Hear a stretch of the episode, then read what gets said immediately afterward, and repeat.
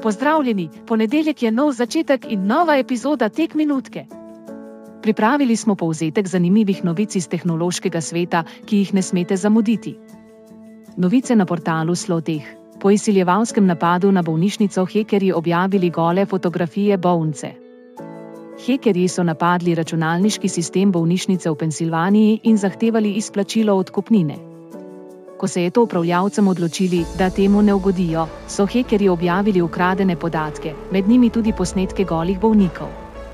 Eden od njih, Jane Dov, je vložil tožbo zoper bolnišnico, ker so njene slike sedaj javno objavljene na internetnih forumih, ter očitke, da ni ravnala s potrebno skrbnostjo. Ranljivost v čipih Enos prizadela več pametnih telefonov. Google Project Zero je odkril hude varnostne ranljivosti v Samsungovih čipih Enos, ki so nameščeni v pametnih telefonih in celo avtomobilih. Ranljivost jim lahko izkoristijo napadalci preko poznavanja telefonske številke uporabnika. Medtem ko so delni popravki že na voljo, svetujejo izklop Volte in Wi-Fi, kjer je to mogoče. Midjourne 5 je tu.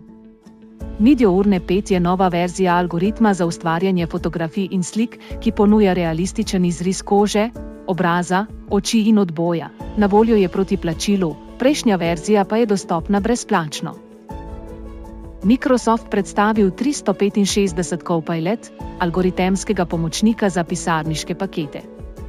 Microsoft je razvil asistenta, chatbota, imenovanega Microsoft 365 Copilot, ki omogoča naprednejšo ustvarjanje vzorčnih dokumentov in analizo podatkov. Še ni na voljo uporabnikom, temveč ga preizkušajo z 20 velikimi strankami. Gre za algoritemskega pomočnika, ki sicer bazira na GPT-4 modelu, pa tudi na Microsoftovi podatkovni platformi Gre. Hvala, da ste bili z nami, želim vam uspešen teden. Z vami je bila Petra in ekipa Tek Minutka, se slišimo!